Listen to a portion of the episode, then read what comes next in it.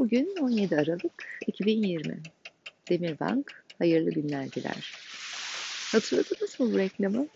Sabahleyin içinde bu sesle uyandım. Ve inanın kendimi Çankaya'daki evimizde, mutfakta ah, okula hazırlanırken buldum. O kahvaltı etmek bizim için ne büyük bir ızdıraptı. Canım babam hazırlardı kahvaltımızı. Ve biz de ondan hakikaten kurtulmak için ne bahaneler üretirdik. Aslında tek bir slogan, tek bir sözcük bizlere ne kadar çok şey hatırlatabiliyor. Bizi ne kadar gerilere götürebiliyor. Siz nereye gittiniz?